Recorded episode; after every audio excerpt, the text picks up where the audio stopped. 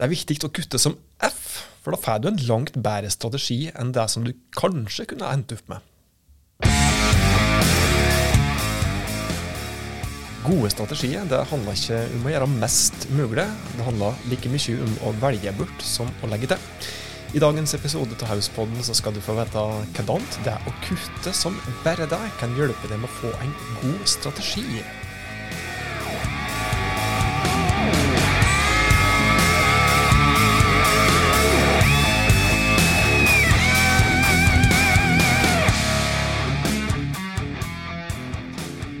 Hei, du. Hjertelig velkommen til Hauspodden. Dette er podkasten for det som ønsker enkle, men effektive tips til hvordan du kan ta grep for å nå strategiske organisasjonsmål, og det sjøl om du ikke har mange millioner kroners budsjett eller verdens største team til å backe det i ryggen, i form av f.eks. For et markedsføringsteam. Og denne podkasten her, det er det fagfolk i Haus som, som, står bak, og jeg er en av dem. Jeg heter Tormod Sperstad, sier tusen takk for at eh, du hører på denne podkasten her. Dette her skal være ei stutt og konkret episode som kan hjelpe deg med å lykkes med strategien i virksomheten til organisasjonen din. Og jeg har ikke snøring på når du hører på denne podkastepisoden her, men i alle fall når vi eh, sitter og spiller inn podkastepisoder i november 2022, så er dette her tid der eh, ganske mange, kanskje du òg, legger planer for neste år, og kanskje planer for flere år fram i tid. Og kanskje er det òg prat om ja, kanskje både revidering av eksisterende forretningsstrategier, og kanskje også utarbeiding av kanskje en markedsplan. Og I tidligere episoder så har vi prata om eh, gode strategiprosesser. Hvordan eh, de prosessene eh, gjerne bør se ut. Framgangsmåten kanskje har vi vært innom. Så spol gjerne tilbake i Hauspodden og finn de episodene som handler om de gode strategiprosessene. I dag skal vi prate om noe som er vanlig og vanskelig. Vanskelig fordi at jeg vet med meg sjøl at jeg gjerne vil så mye, og det er vanskelig å prioritere bort. Jeg vil gjerne mer enn det som jeg egentlig greier å få til. Og kanskje har du det òg på akkurat samme måten. Og, skal prate om det og ja, det, det å fokusere på noen svært få ting kan hjelpe deg med å få en bedre strategi. Det kan rett og slett hjelpe deg med å lykkes med strategien din. Og aller først så skal jeg bare ta med et lite reelt eksempel, bare for å prøve å illustrere viktigheten til dette med å prioritere. Og dette er et kjent eksempel som er en del brukt, men som er lett å forstå og lett å relatere seg til, så jeg tar det med. Dette handler om eh, Steve Jobs, mest kjente Apple-sjefen, og den som i realiteten faktisk redda Apple. Altså ikke bare grunnla Apple, men, eh, men redda Apple da det virkelig var på tur til å være over for dem. Og han gjorde flere strategiske grep som viser hva smart det kan være å kutte, i stedet for å legge til når det skal tas, tas ja, når du da skal ta gode strategiske grep. da. Og hva viktig det er å snu seg rundt når det da skjer store ting som påvirker virksomheter på ulike måter. Steve Jobs gjorde mange grep, eh, både da han var med på å starte Apple, eh, og når han senere ble eh, kasta ut.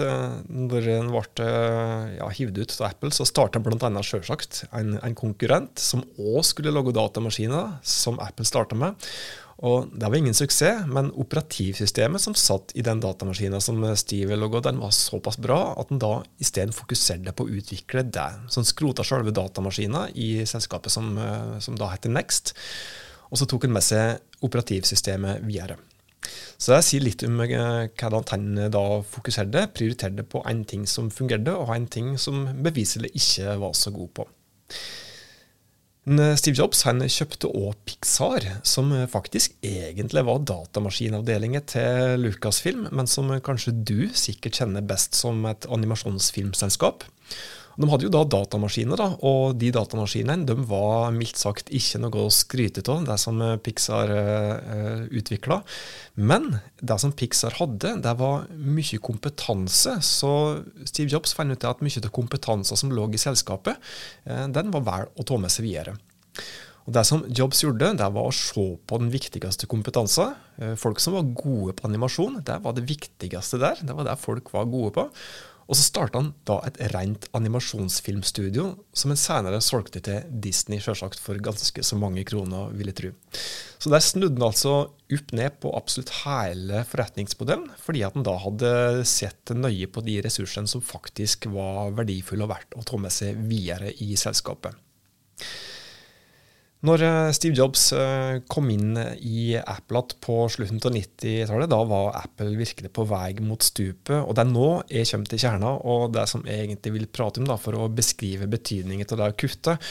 For det som Steve Jobs eh, gjorde når han kom inn i Apple, det var å se litt på hva de egentlig drev med. Og på det tidspunktet da han starta, så hadde Apple 15 stasjonære PC-er og flere ulike bærbare modeller òg. Og det som han gjorde, det var å kutte knallhardt. Så han kutta faktisk fra totalt 15 pluss til én en eneste modell til hver enkelt. Altså én bærbar modell og én stasjonær Mac. Og Det kan en vel si er knallharde prioriteringer. Han kutta ut òg grossisten, kutta ut distributører, han begynte å selge direkte. Han eh, kutta ut det markedet som de hadde i utgangspunktet, som gjerne da var typisk eh, grafisk bransje, avishus, reklamebyrå osv. Og så fokuserte han da mer på, på privatmarkedet. Men altså, fra 15 til en stasjonær, altså. Eh, det er jo helt rått. Og det som egentlig ble gjort, det var at han valgte bort ting for å fokusere på de ressursene som Apple hadde, og de realitetene som de, de hadde å forholde seg til. Og vi vet jo hvordan det gikk med dette selskapet etter at de endringene ble gjort, og i alle fall all den tida som Steve Jobs eh, styrte det. Så min påstand, eller min påstand sammen med mange andre sin, det blir jo det at vi er altfor lite flinke til å kutte ut ting som ikke fungerer, og som vi har prøvd å gjøre noe med. F.eks. produkt eller tjenester som vi ikke har lykkes med, og som vi heller ikke vil lykkes med i framtida av ulike grunner. Det som jeg sier, og det eksempelet som jeg har tatt fram, det er ikke henta fra løse lufta. Altså, det er Steve Jobs og Apple-eksempelet er jo et, eh, et, skoleeksempel som er mye brukt. Og så er det mange andre som sier litt om eh, hva viktig det er å fokusere og kanskje å kutte, istedenfor å legge til når du skal utarbeide gode strategier. Og strategieksperten Richard Rummelt er, er en av dem som har gjort det.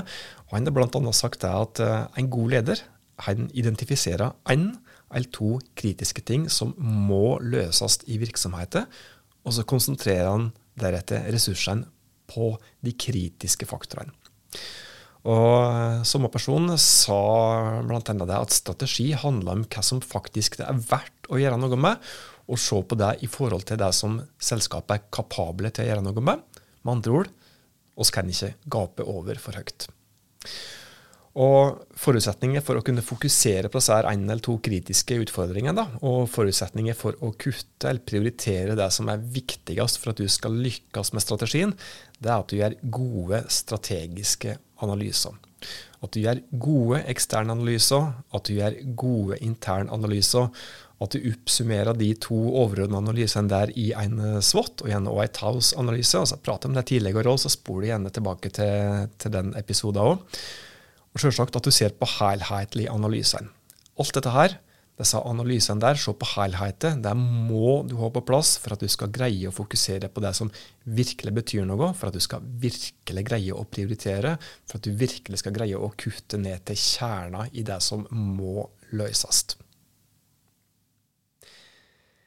Det var stutt og konkret et godt grep, eller gode grep, som du egentlig bør ta for å lykkes med strategien din. Jeg håper at dette er noe som du tar med deg i videre strategiarbeid. Enten det er for 2022, 2023 eh, eller, eller i senere år framover.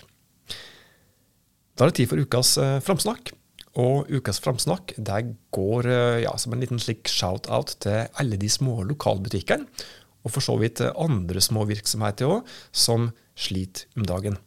Og Spesielt de som henvender seg til forbrukermarkedet, og som merker at mange privatpersoner sliter med å få endene til å møtes for tida.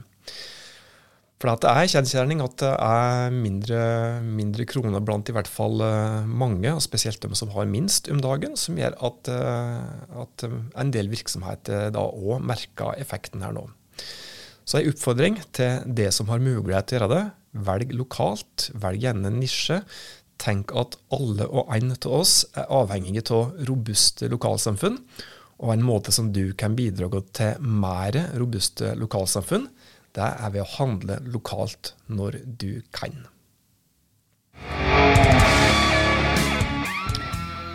Det var det som jeg hadde å by på i denne episoden av Hauspodden. Vi blir som vanlig glade hvis du tipser noen andre om denne podkastserien her, som du tror kan ha nytte av de tipsene som oss kommer med. Inntil oss høres neste gang, ta godt vare på det og dine.